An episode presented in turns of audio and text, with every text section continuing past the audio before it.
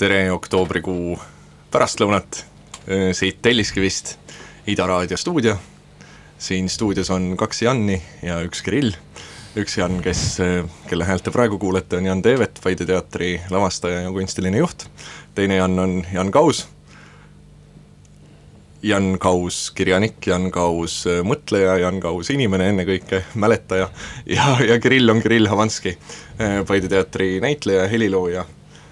Ja me oleme siia täna tulnud kokku sellepärast, et Paide teatris esietendus äh, möödunud neljapäeval lavastus, mis kannab pealkirja Lahinguväli, aga mitte otse sellest lavastusest ei taha me rääkida, kuivõrd selle lavastuse ühest peateemast ja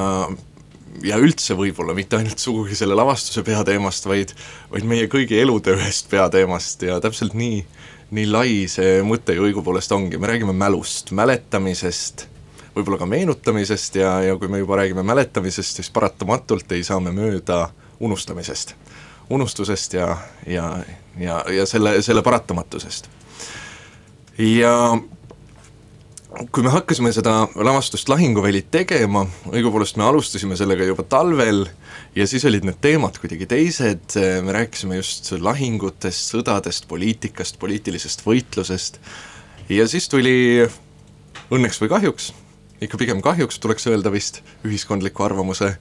arvamuse alla paindudes tulid uued piirangud taaskord, mis mis hakkasid seda elu kinni panema ja siis jäi see prooviprotsess pooleli ja ikka on nii, et, et isegi kui miski jääb pooleli ja millega sa pärast uuesti alustad, siis paratamatult mõte ei jää seisma. et eh, riigi võib lukku panna, aga mõtet lukku panna on palju keerulisem. ja nii umbes poole aastaga märtsist septembrini tekkis tohutu hulk uusi mõtteid ja mälet-, mälestusi ja siis, kui me nüüd septembris seda prooviprotsessi uuesti alustasime, siis me hakkasime otsima kõigi lahingute, nii isiklike kui Sommi kui jäälahingu algpõhjust. miks, miks me siis võitleme, mille nimel? ja, ja see vastus tundus ühel hetkel kindlasti üldistusena see, et me võitleme selle nimel, et jääda meelde, et kirjutada ajalugu, me võitleme mälu nimel. Aga lähme võitlusest edasi ja, ja alustame just nimelt eh, sellest kõige üldisemast eh, teemapüstitusest, et et eh, mälu ja inimene. kui meil mälu ei oleks, kes me siis oleks? ja kahtlemata, kui me mälu ei oleks, siis me oleks mingi teine liik, ma arvan. ja muidugi mälust ongi seetõttu raske rääkida, et sa, Jan, alustasid, eks ju, tegelikult mälu rääkimisest kuidagi sellises ühiskondlik ajaloolises plaanis. Et ajaloost, eks ju, et ajalugu on ka justkui nagu mingi selline mäl-, mäletamise vahend, äh, nii-öelda siis isiklike mälestuste nii-öelda koondamine ja süstematiseerimine. ja ajalugu justkui on nagu siis selline objektiivne tõde, aga noh, mulle tundub ka, et, et kui me vaatame seda äh, väljendit ajalugu, siis mina paneks ikkagi rõhu selle liitsõna teisele osale, ehk siis äh, sõnale lugu, et, et ajalugu on ennekõike ikkagi lugu ja noh, nagu iga looga, eks ju, äh, väga oluline on see, äh, kes seda lugu äh, mis pilguga loeb või mõistab, eks. et ühte lugu saab mõista väga erineval moel ja see ju on, tegelikult mõjutab ju siiamaani tegelikult meie enda Eesti olevikku, eks ju, meie lähiajalugu ütleme, kõik need kahekümnenda sajandi keskpaiga valulised, keerulised sündmused, kui erinevalt võib ühte sama sündmust mõista et äh, mõned inimesed mõistavad näiteks äh, ütleme siis teise maailmasõja selliseid pöördelisi sündmusi siin Eestis kui, kui midagi väga positiivset, ühesõnaga, et sai alguse selline parem ja positiivsem ajajärk, teised jälle mõistavad, et, et sedasi kaotati vabadus, kaotati iseseisvus, kaotati oma hääl. et ühesõnaga, kunagi ei tasu jah unustada seda, et ajalugu on ennekõike lugu ja ja lugu kas meeldib või mitte, eks lugusid otsitakse, lugusid valitakse. ma, sellega seoses mul tuli tegelikult meelde üks hästi tegelikult võib-olla mitte kõige suurema haardega näide, aga väga tore näide, mis noh, ütleme väga selline kitsas näide, aga selles mõttes tore näide, mis, mille põhjal on üsna tegelikult tore mõelda selle peale, et, et kui, kui erinevalt võib ühte nagu ajaloolist mingit nagu nüanssi mõista. et see Simon Sebag Montefiore, inglise ajaloolane, on kirjutanud päris palju siis Venemaa ajaloost ja ta on kirjutanud ühe raamatu nimega, pealkirjaga Romanovid, eks, et ta käsitleb kogu seda Romanovite dünastiat, eks, Nikolai teiseni välja, ja sealt üks väike eh, nüanss, mille, mille ma avastasin, oli see, et et Putini vanaisa, Putini vanaisa oli äh, Rasputini, Lenini ja Stalini kokk. Ja, ja nüüd võib küsida, et noh, et kuidas sellesse, kuidas sellesse ütleme, teadmiskildu suhtuda, eks ju, et kas see on selline noh, anekdootlik lugu, selline noh, absurdne naljalugu või siis ikkagi selline sellel on mingi metafüüsiline tähendus, eks et seal on mingi selline ähvardav võimas, võimas tähendus taga, eks et, et see on kuidagi märgiline. et, et juba sellise, sellise väikese killu mõistmine või mõtestamine näitab, kui, kui erinevalt saab nagu ajaloolisi tõsiasju mõista Kirill, ma sulle juh-, juhiks selle teema natuke teise näitega sisse, ma avastasin mõnda aega tagasi Economisti lugedes äh, ühe, ühe Londoni kokteilibaari, täpsemalt ühe kokteilimeistri, kes on võtnud endale eesmärgiks äh, sünteesida kokteile nii, et nad tooksid inimestele meelde spetsiifilisi mälestusi. Äh, kelle eesmärk on see, et sa saaksid põhimõtteliselt tellida endale lapsepõlve lumesõja Eh, või et sa saaksid tellida vanaema kodu. kuidas eh, sinu peas mäletamine ja, ja tunnetamine ja mis rolli nad mängivad, mis, eh, kuidas, kuidas sa oma mälu tajud? no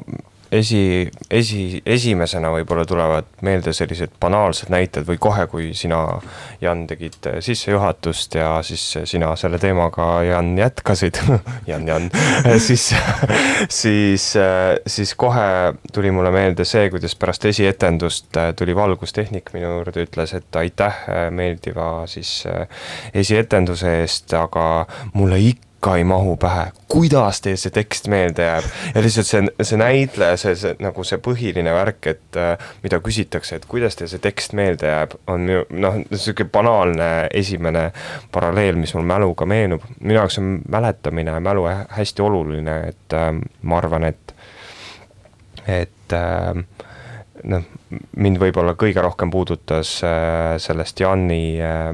mõttest, äh, Janni näitest, äh, Putini vanaisast, äh, see, see metafüüsiline mingi tähendus, mida sa tegelikult mingitele mäluseikadele annad ja mingitele sa ei anna. et, et väga ähm, väga selgelt meenub veel üks näide sellest, kuidas üks minu kursaõde ühes loengus äh, rääkis oma lapsepõlvemälestusest, kus ta seisis puu äh, kõrval mingisuguse suvalise puu juures ja siis otsustas, et selle hetke ma jätan meelde. see hetk on oluline, ma pean selle meelde jätma. ja tal, tal jäigi see meelde. ja, ja kui palju ma ei oleks ka üritanud seda teha oma elus, siis ma unustan kõik need hetked ära. et ma nagu, mis ma tahan selle jutuga öelda, on see, et mul on tunne, et ma ei kontrolli isegi enda mälu ja enda mäletamist, rääkimata sellest äh, ajaloost. ja rõhutaks ka siin sõna lugu, on ju, et, äh, et, et minu jaoks see on selline hoomamatu jõud, mis kõigi meie peades on, äh, mis õhus liikleb ja millega noh,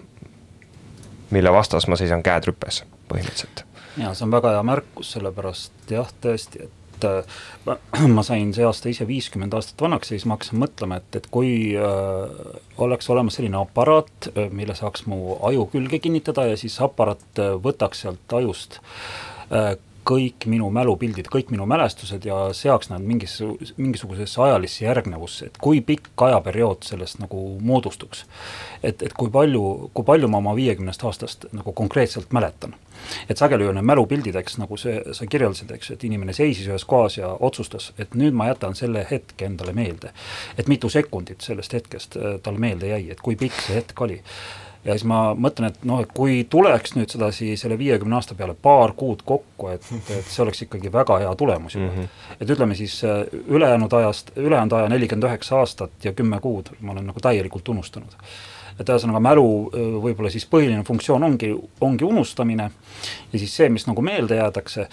jäetakse, sellega on ka eraldi huvitav asi, et seda ju mälu sageli moonutab, eks ju, et mälu minu jaoks on ikkagi kujutlusvõime alaliik, ühesõnaga ta on üks viis tegelikkust kujutleda mm. -hmm. minu, mulle väga meeldis mõte, mille käis välja siin ühes proovisprotsessis Madis Aesmaa, kes ütles, et äh, et tema jaoks kõik lapsepõlvemälestused seostuvad valgusega. ja,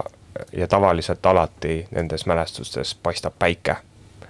et minu jaoks ka see tõmbas minu kujutlusvõime nagu väga tööle, et minu jaoks ongi äh, jah, nagu sa ütlesid, võib-olla paari kuu jagu neid mälestusi on seal nagu ühes reas, aga hästi palju on selliseid katkendlikke tunnete ja valguste sähvatusi. et kõik sähvatab kogu aeg, kui sa hakkad öö, oma elulugu läbi käima. Kirill, vabandust, ma lihtsalt tahaks Kirillilt veel küsida, et, et kuna sa muusikaga tegeled, et minul näiteks väga paljud mälestused on seotud konkreetsete muusikapaladega või isegi vastupidi, et mingi muusikapala toob mulle meelde mingi väga konkreetse mälestuse. näiteks noh, mõnest tõesti jällegi hetkest, kui ma seda muusikapala koos kellegagi kusagil kuulasin. et kas sul aitab ka muusika mäletada? jaa, aitab küll ja vahel on isegi niimoodi, et ma seostan mingeid inimesi mingi teatud muusikapalaga, ilma et need inimesed oleks isegi seda muusikapala kunagi kuulnud. et äh, ja ma olen tõesti sattunud ka lolli olukorda, kus ma ütlen, et mäletad, mäletad seda lugu ja see inimene saab aru, et ma olen tegelikult fantaseerinud temast ja, ja meie mingitest mälupiltidest vot just see mälu mittenarratiivsus või noh, et kui me alustasime ka sellest ajaloost, mis on ju ikkagi paika loksutatud narratiiv. on sündmuste ahelad, millel on algused, lõpud, keskpaigad, noh, sõjad, lahingud, võidud, kaotused, muutused, pikad protsessid, siis äh, isiklik mälu toimib ju mingil hoopis bioloogilisemal tasandil ehk või on vähemalt minu jaoks ka hästi tugevalt seotud äh, just mingite füüsiliste aistingutega, mingite, mingite tajudega, mingite tajudega, mille mille sõnastamine juba hakkab neid, neid seadma sellistesse raamidesse, kus, kus kus nad kaotavad oma autentsuse või. selles mõttes ma olen muidugi, Jan, sinuga väga päri, et, et mälu ja kujutlusvõime on, on väga tugevalt, väga tugevalt seotud, aga just äh, mälestuste kirjapanemine või mälestuste rääkimine tundub mulle mingil hetkel muudabki noh, et, et on, mul on mälestus ja siis mul on lugu, mida ma räägin ja kui ma olen mõnda mälestust piisavalt palju loona rääkinud, siis minu mälus hakkab eksisteerima see lugu ja enam mitte see mälestus kui selline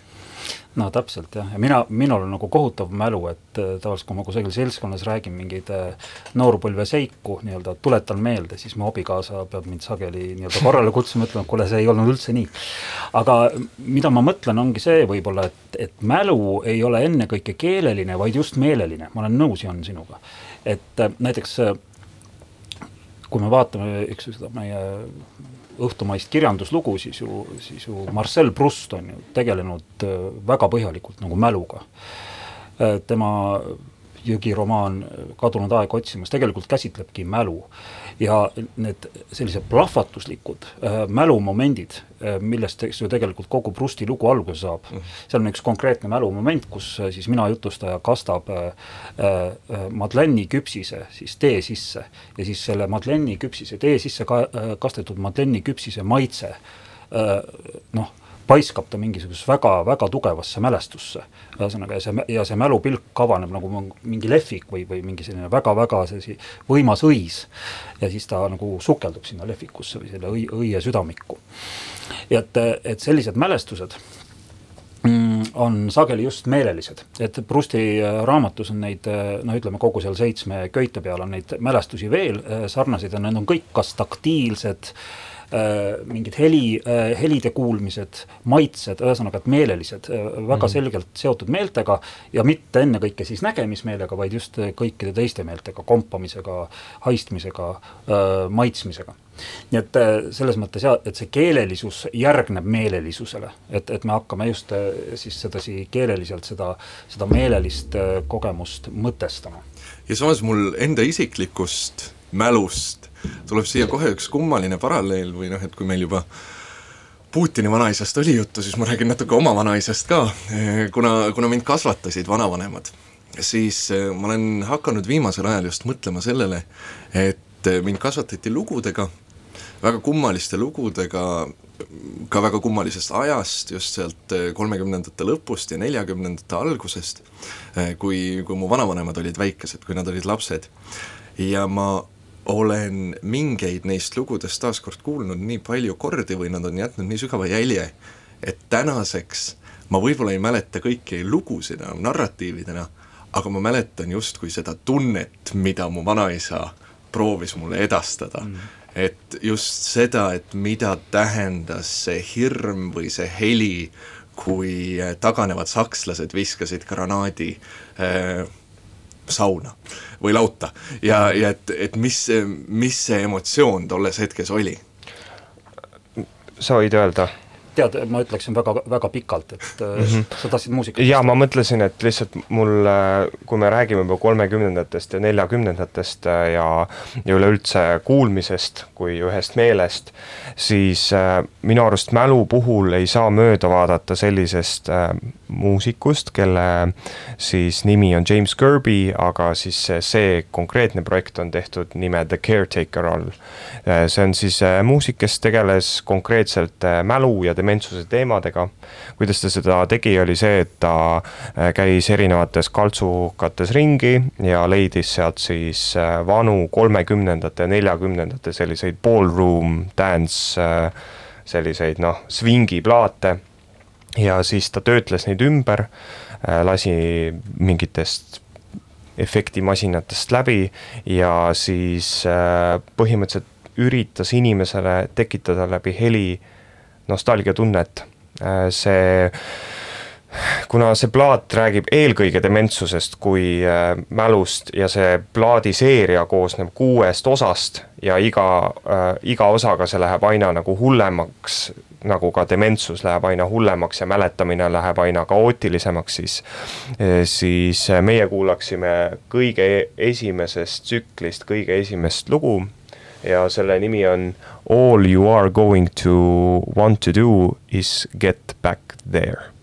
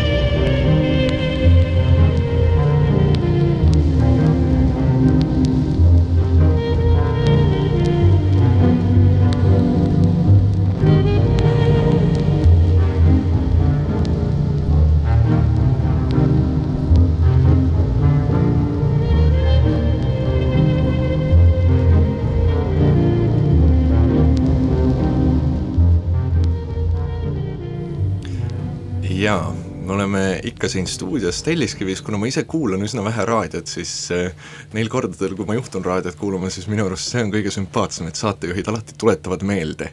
kus ollakse, miks ollakse, kes räägivad, mina olen Jan Teevet, minu kõrval on Jan Kaus ja Kirill Havanski ja me räägime mälust. ja, ja nüüd just nimelt selle meeldetuletamisega, ehm, see, mis sa, Jan, ütlesid eh, Prusti kohta, et, et selle kõik vallandab. Üks äh, üks õbluke Madeleini küpsis, mis äh, teetassi äh, uputatakse ja sealt äh, suhu pistetakse, et ega me ju ei kontrolli oma mälestusi, ega me ju ei, või kui palju meil on kontrolli, kui, kui ootamatult tegelikult mälu võib meid vallutada? jaa, no kindlasti jah, ma arvan, et selles mõttes Prusti käsitlus on väga adekvaatne, et kõige võimsamad mäluelamused ongi sellised sööstud või spasmid, midagi sellist nagu ootamatut. et, et korraga nagu lahva, lahvatab mingi, mingi mälestus, aga noh, minu jaoks isiklikult on mälestused seotud ka kohtadega. et, et minu jaoks mälu on väga ruumipoeetiline, et ühesõnaga nad on seotud mingite väga konkreetsete kohtadega, mind kisub nende kohtade poole seal kohas ei ole enam ühtegi jälge sellest, et noh, ma olen seal kunagi olnud näiteks kakskümmend aastat tagasi või kolmkümmend aastat tagasi lapsepõlves. näiteks äh, üks minu jaoks kõige olulisemaid kohti terves maailmas on Aegvidu raudteejaam, kus minu vanaema vanaisa elasid ja ma veetsin oma suved seal raudteejaama teisel korrusel. ja see on üks selliseid kõige vanemaid raudteeäärseid ehitisi Eestis, eks ju, et aastast tuhat kaheksasada seitsekümmend veel säilinud äh, äh raudteejaam ta on ka selline vist äh, mingil moel kaitse all ja seal tegutseb praegu üks väga tore restoran. ja, ja, ja see restorani omanik viis mind äh, kunagi ka oma korterisse, kus, eks ju, mina oma lapsepõlve veetsin ja see oli kõik täiesti muutunud, ühesõnaga see oli korralikult äh, kõik ümber ehitatud. nii et seal füüsilises ruumis ei ole enam nagu ühtegi eriti selget sellist äh, Äh, punkti, kust ma saaks kinni haarata, mõned elemendid seal majas on säilinud, on samasugused nagu mu lapsepõlves, aga noh, ilmselgelt tegu on täiesti teise kohaga. aga minu mälestustes on see koht ikkagi väga tugevalt alles. et see on nagu mingi väga kummaline üha kasvav, ajas üha kasvav vastuolu äh, inimese sisemaailma ja siis selle välise ruumi vahel. et väline ruum püsib olevikus äh,, aga ka meie sise, sisemuses meil on võime äh, sealt olevikust kuidagi nagu väljas käia või, mingisuguseid olevikuhetki nii-öelda kinni pidada. no ühesõnaga, mulle tundub, et, et, et siin tegelikult tuleks laiemalt rääkida, et, et inimese teadvus on tegelikult vastuolus ülejäänud kehaga, mille, mille juurde see teadvus, eks ju, kesknärvisüsteem kuulub. ja, ja eks ju, olevik on ka väga kummaline asi et ma olen ikkagi juba aastaid nagu mõtisklenud, ma ei ole, ma ei saa nagu siiamaani olevikust aru, et olevik on justkui nagu noh, esmapilgul väga selge, et ta on siin ja praegu, meie oleme praegu olevikus. aga ometi olevik liigub, eks ju, et see lause, mis ma juba ütlesin, on juba minevikus. ja see lause jälle on juba minevikus. ühesõnaga, et, et olevik liigub ja ma olen siis püüdnud kuidagi seda enda jaoks sõnastada nii, et ole, olevik on püsiv mööduvus, ühesõnaga ta, ta pidevalt möödub, aga ta samas püsib selles mööduvuses. ja nüüd meie kehad liiguvad selle olevikuga kaasa, keha liigub selles püsivas mööduvuses ja noh, allub sellele, ühesõnaga, et ta kuulub olevikule ja kulub olevikus. Aga nüüd teadvus, mis on küll nagu keha osa, ka kulub, eks, koos, koos ülejäänud kehaga eks seesama Alžeimeri haigus näiteks, aga ta suudab samas kulumise käigus sellest püsivast mööduvusest mingeid hetki välja noppida, haarata no umbes nagu tead marju metsast korjata ja siis pärast neid kuidagi säilitada, noh nagu eks ju ka marju säilitatakse, hoidistatakse. ja sedasi tekib nagu mingisugune teadvuses arusaam, eks ju, sellest möödunud olevikust, ehk siis sellest, mida me nimetame minevikuks. ja nüüd äh, keha, eks ju, püsib äh, seal püsivas mööduvuses, aga teadvus on võimeline sealt siis Äh, mingisuguseid äh, momente haarama ja muutma siis seda äh, püsiva mööduvuse momente no mingi möödunu püsivuseks. ja vot see on seesama asi, millest Proust tegelikult räägib, ta räägib nendest ajakäigus, ajakäigust vabastatud hetkedest, ta otsib nagu neid, et need on nagu need, mis, mis meid tegelikult inimestena määratlevad mm. -hmm. Siin korra Jan alustas seda,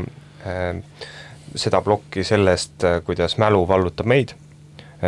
kui te, mulle väga meeldisid sinu mõtted, mulle meenus kohe see, kuidas meie võitleme mälu vastu.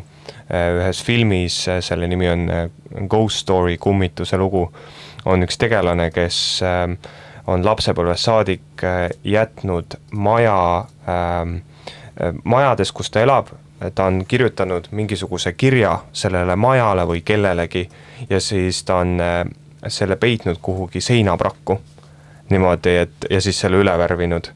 ja, ja minu arust see, et, et sa jätad ennast nagu jälje maha, see noh, kasvõi seal aegviidus on nagu, on hästi tugev nagu see võitlus selle, selle mälu äh,, mäletamise ja meeldejäämise äh,, meeldejäämise nimel et mul lihtsalt korra nagu vahepõikena tuli, tuli see, tuli see meelde. ja noh, ma hüpp-, hüppan, vabandust, Jan, ma segan vahele. et, et ma hüppan selle meie saate algusse tagasi, eks ju, kus tegelikult mulle tundub, et, et, et miks mälu nii-öelda määratleb inimest, on see, et, et, et mälu on väga huvitav asi, eks, et mälu on meilt mingis mõttes ära röövinud igaviku. me just tänu mälule me saame aru, et meie, meie elu on, on piiratud, aga ilma sellise teadmiseta, ma arvan, ei oleks ka nagu kirjandust, ühesõnaga. sest, sest inimene on teadlik sellest, et tema minevik kasvab ja tulevik kahaneb, eks ju. et surmahetk on ju midagi taolist, kus, eks ju, tulevikku enam ei ole, kõik on puhas minevik. ja just see, just see teadlikkus, eks ju, tegelikult noh, minu meelest on, on seotud iluga. minu jaoks on, on, on ilutaju äh, seotud selle kaduvikutajuga et miski on ilus sellepärast, et ta on üürik ja miski on ilus sellepärast, et ta on määratud kuhtuma, ta on määratud kaduma. aga seetõttu, et ta üle, üle, üle pea on olemas, teeb ta, teeb ta ilusaks, mul praegu tuli meelde muide äh, Stanley Kubrick, eks ju, tahtis teha seda filmi äh, Artificial Intelligence, aga tal jäi see pooleli ja Steven Spielberg tegi selle ära, seal filmis on üks hästi lahe koht, kus ühesõnaga üks siis selline, no seal püütakse kinni selliseid vananenud roboteid ja Jude Law mängib ühte siis vananenud robotit, kes aitab selle peategelasel nii-öelda siis tema unist-, unistuseni jõuda. ja siis ta püütakse kinni ja, ja noh, saab noh, eks ju vaataja saab aru, et nüüd see robot viiakse utiliseerimisele see robot jõuab öelda sellele poisile kaks lauset. üks on see I am ja teine on I was.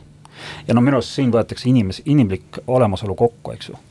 Äh, ma olen ja ma olin. ja noh, äh, ühesõnaga äh, seetõttu ma olen, et ma tean, et ma olin mm. -hmm. see on huvitav, et äh, üldse ai-dele ja robotitele hästi palju nagu kunstis äh, omistatakse seda mälu ja mäletamise funktsiooni, mul kohe tuli paralleelina meelde Blade Runneris see mm -hmm. uh, Like Tears in the Rain, see robot, kes just, ütleb, et kõik hetked mööduvad ja, nagu. see oli see Roy Batty Yeah. I've seen things you people wouldn't believe. Yeah. Attack ships on fire off the shoulder of Orion. I've seen sea beams glitter in the dark near the Dunhäuser gate. All those moments will be lost in time like tears in rain. Time to die. ja, ja siis on muidugi selle kõige kõrval on see kujutlus äh, sellest, et ükski hetk ei kao meelest, kui me mõtleme Borgese peale ja, ja mõtleme tema ühe jutu kõike mäletava Fuunese peale et keegi, kes ei unusta midagi, kelle jaoks kõik hetked ajas äh, jäävad võrdselt püsima. Äh, et ma ei mäleta mitte seda puud, mida ma siin Telliskivi stuudio aknast välja vaadates näen, vaid ma mäletan iga korda, kui ma olen seda puud näinud, ma mäletan iga lehe liikumist igal hetkel, mis äh, ja mis viib ju tegelikult mingis mõttes absurdini, et Borges väga, väga elegantselt näitab, et ega, ega ka kõige mäletamine oleks äh, väga raske, pea, pead võimatu. et noh, unustamine on mingis mõttes hädavajalik. et see paar kuud, mida me oma elust mäletame, et seda väärtuslikumaks see muutub, on ju ja kas ja. see mitte just ei defineerigi meid, et meid defineerib enam see, mida me oleme unustanud, kui kui, kui see, kui palju on seda, mida me mäletame. ja see samas muudab just selle, mida me mäletame, väärtuslikumaks, on ju. Mhm. nõus, nõus ma ei tea, kui me räägime ajast, siis äh, võib-olla oleks paslik siia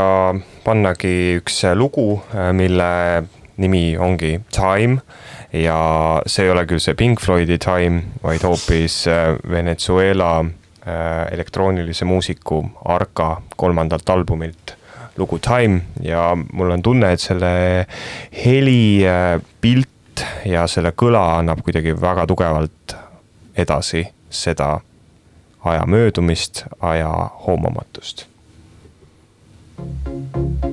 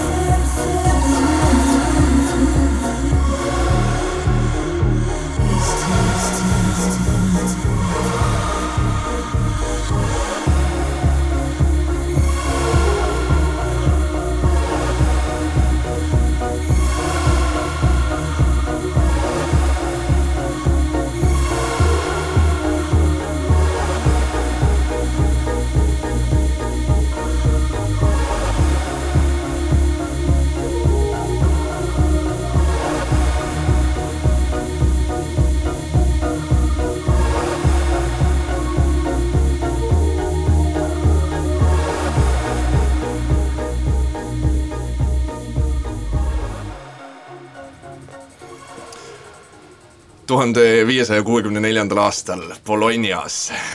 selline uurija, teadlane, kelle nimi oli Cesar Aranzi, viis vaatamata kiriku, katoliku kiriku keeldudele läbi lahkamisi. surnutega teaduse nimel tegelemine oli, oli rangelt keelatud, aga tema seda siiski tegi, lootuses, et kui ta lõikab lahti inimese pea ja seejärel aju, et ta leiab inimese mälu. Aega on mööda läinud, nelisada viiskümmend, viissada aastat, teadlased uurivad jätkuvalt. Ja on tehtud edusamme,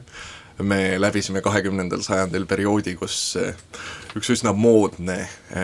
arstiteaduse võte oli lobotoomia, millega selle, selle võtte juhuslikkust, juhuslikkust just eh, silmas pidades jõuti väga võigaste, aga ka väga, väga, väga kummastavate tulemusteni, kus tõesti inimestelt eh, eemaldades teatud ajuosasid, võetigi ära minevik ja anti neile ainult igavene hetk, hetk, mis ei möödu kunagi, hetk, mis tuleb aina uuesti ja uuesti, tuleb meelde, küll nime olen unustanud, aga üks, üks juhtum vististi Kanadast või või USA-st, kus, kus ühele noormehele pidigi, kes elas päris pika elu pärast oma lobotoomia operatsiooni, mis tehti selleks, et ta saaks vabaneda epilepsiast, aga kuidas talle pidi elu lõpuni seletama seda, et pärast tema isa surma koridori seintelt kadunud relvakollektsioon ei ole mitte röövitud, vaid see pärandati ta onule ja see päädis lõpuks sellele, sellega, et onu tõigi need relvad tagasi, sellepärast et keegi ei jaksanud seletada mälu ja saladus, stuudios jätkuvalt Jan Kaus, Jaan Teevet ja Kirill Havanski, ütlen seda lihtsalt sellepärast, et mulle meeldib öelda ja jätkame mäluteemadel, et ja, ja ei no noh, ei ole ju üldse kuidagi liialdus öelda, et inimese aju ehk siis kesknärvisüsteem on sisekosmos, on ju, et ta on sama läbi uurimata või ja ta on püsivalt äh, saladuslik ja tegelikult ka imeline mina olen selle näiteks alati toonud, mulle õudselt meeldib tuua ühtesid samu näiteid, nii et need, kes on seda juba kuulnud, palun vabandust, aga et on üks mm, neuroloog Oliver Sacks, kes on toonud sellise näite, see ei puuduta nüüd otseselt mälu, aga mingil määral puudutab ka. Et ta uuris äh, magama jäävaid inimesi ja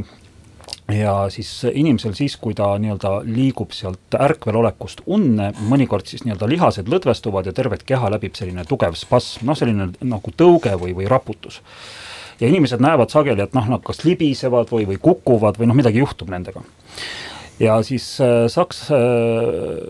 siis, ma ei mäleta, kas ta ise uuris seda või ta refereeris seda, aga ühesõnaga need, kes seda ilmingut siis uurisid, jõudsid järeldusele,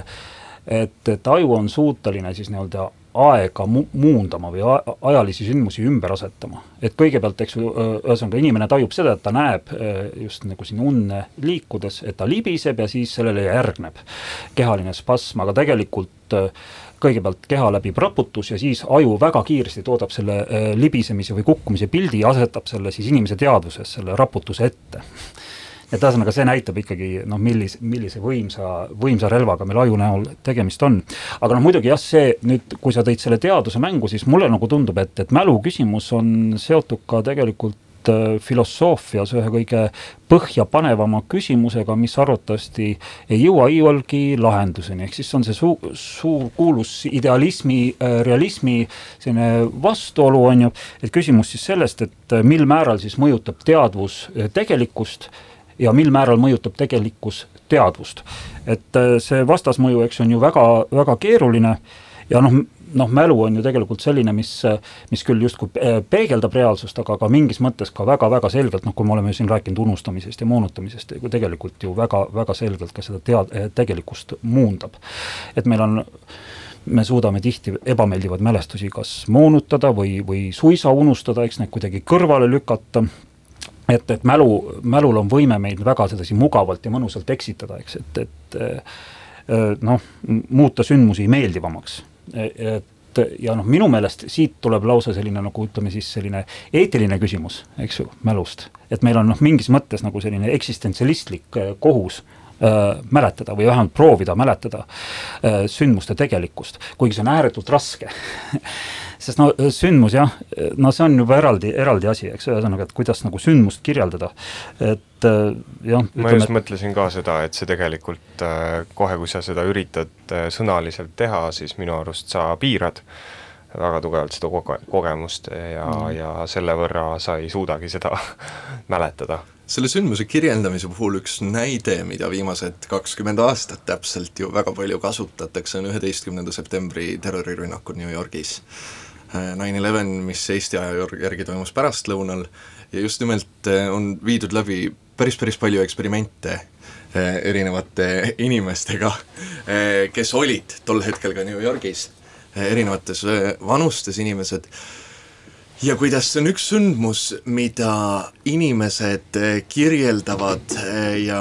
ja nad kirjeldavad, kus nad olid, kuidas nad nägid lennukit number kaks tabamas torni ja hiljem, kui kontrollitakse noh, võimalikult faktipõhiselt, et näiteks, et kus koolimaja klassis olid õpilased tunnis sel ajal, siis selgub, et selle klassi aknad vaatavad täiesti teisele poole ma toon selle näite sellepärast, et see on mu enda jaoks äh, isiklikult üks, üks kummastav äh, mälestus, sellepärast et mina olin tol hetkel esimesse klassi läinud, aga, aga mul oli olnud just operatsioon ja ma olin kodus tol päeval. ja ma mäletan, kuidas me olime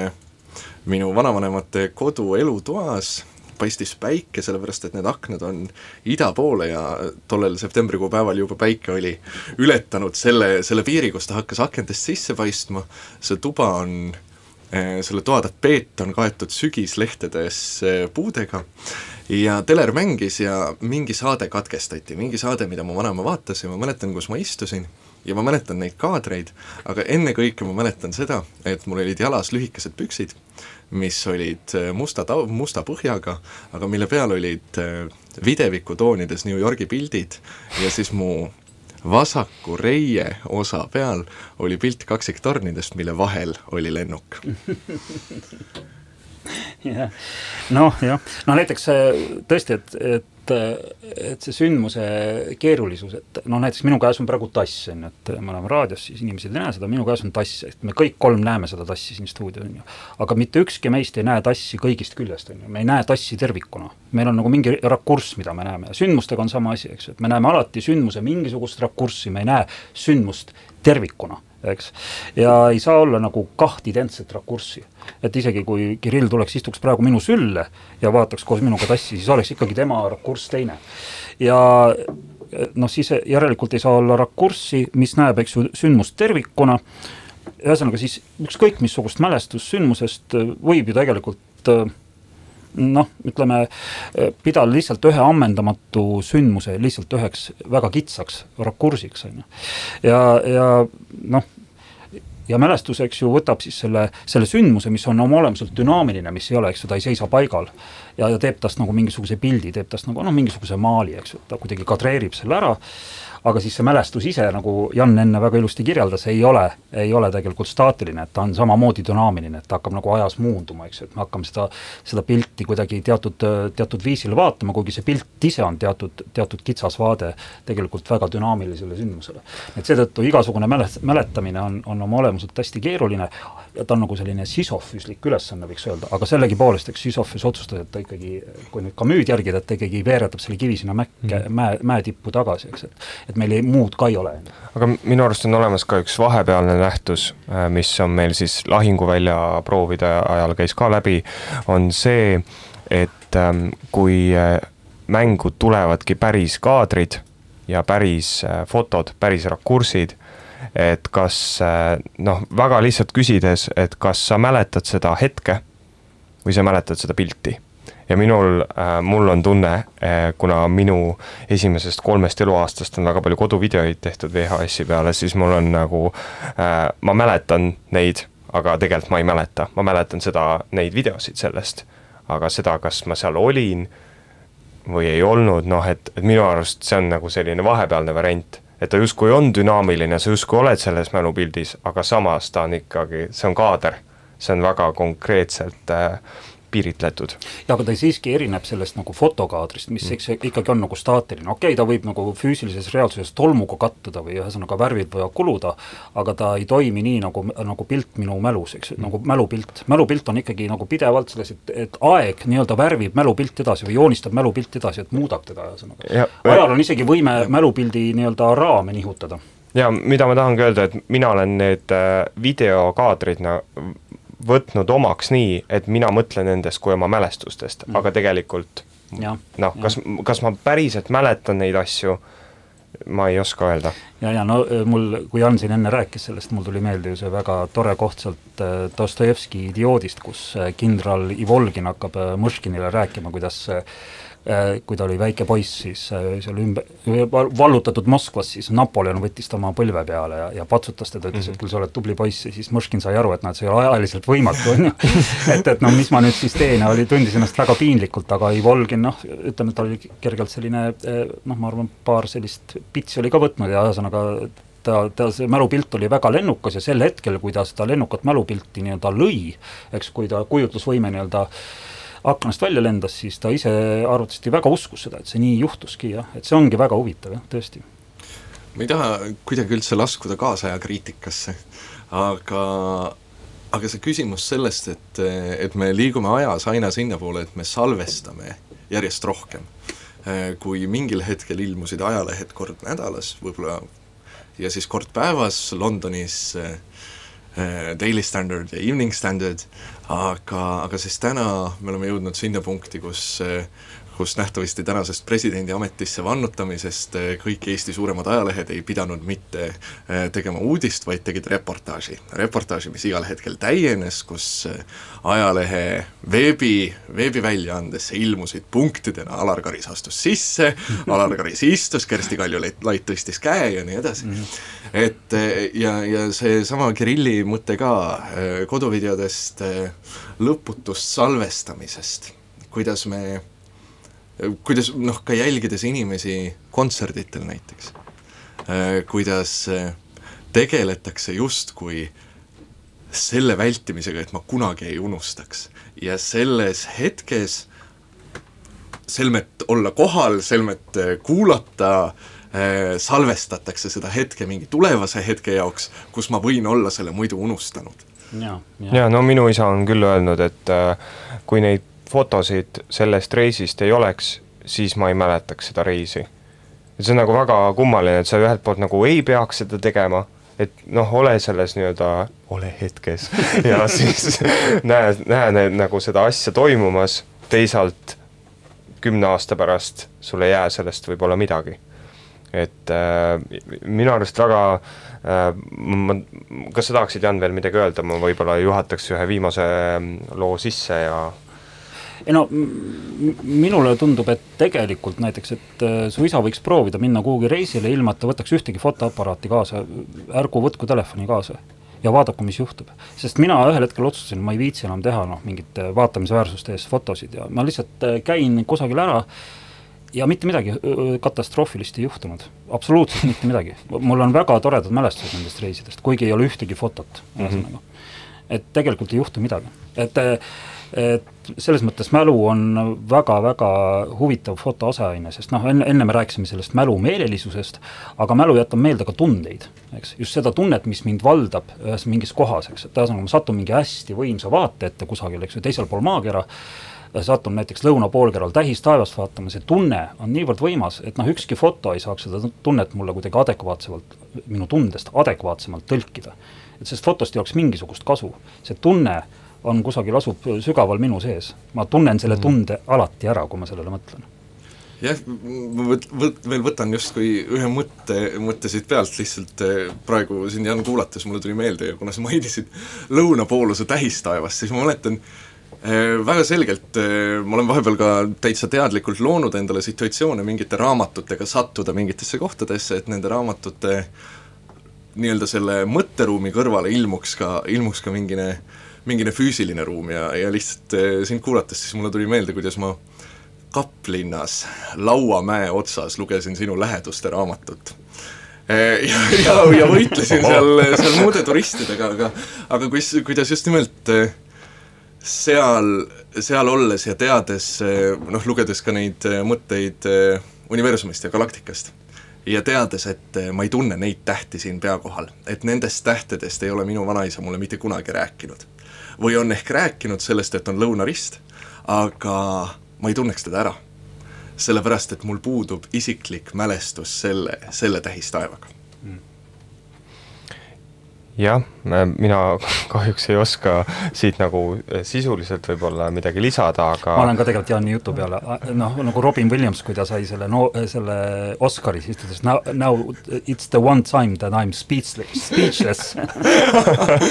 Jah, et võib-olla minu eest taaskord, meie eest taaskord saaks rääkida muusika, tahaks lasta siis äh, Henry Purcelli kirjutatud äh, Dido itk mille siis äh, üks äh, põhiliseid äh, sõnu või, või selliseid sõnu, mis, mis kõige rohkem meelde jäävad, on remember me but forget my fate. ja minu arust see opositsioon seal selle saatuse, selle dünaamilise liikumise, kusagil fluidumis olemise ja staatilisuse vahel tuleb väga selgelt välja, et remember me, jäta seda, jäta see pilt meelde aga unusta kõik see, mis seal nagu ümber toimus. et äh, kõlab siis äh, Henry Purcelli Dido itk äh, Susan Kerneri esituses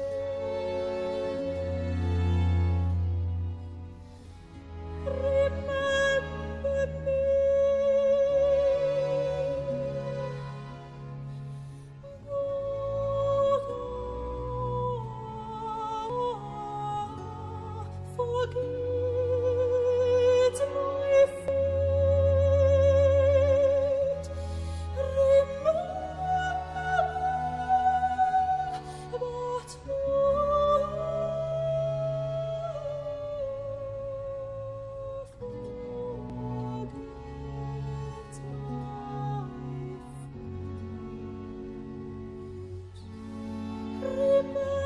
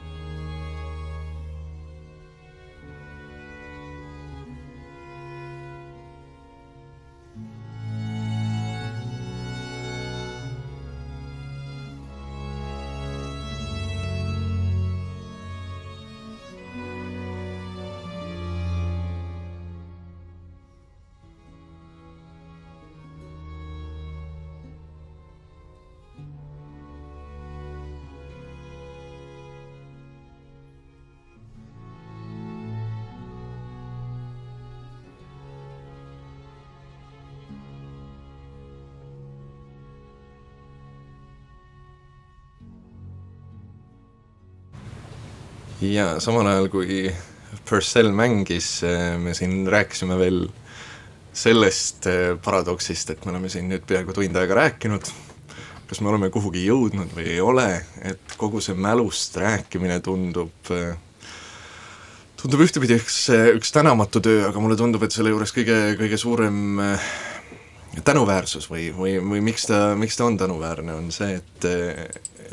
ja, ja mitte ainult mälust rääkimisel, vaid üldse, et kerkivad pinnale mingid mälestused, mis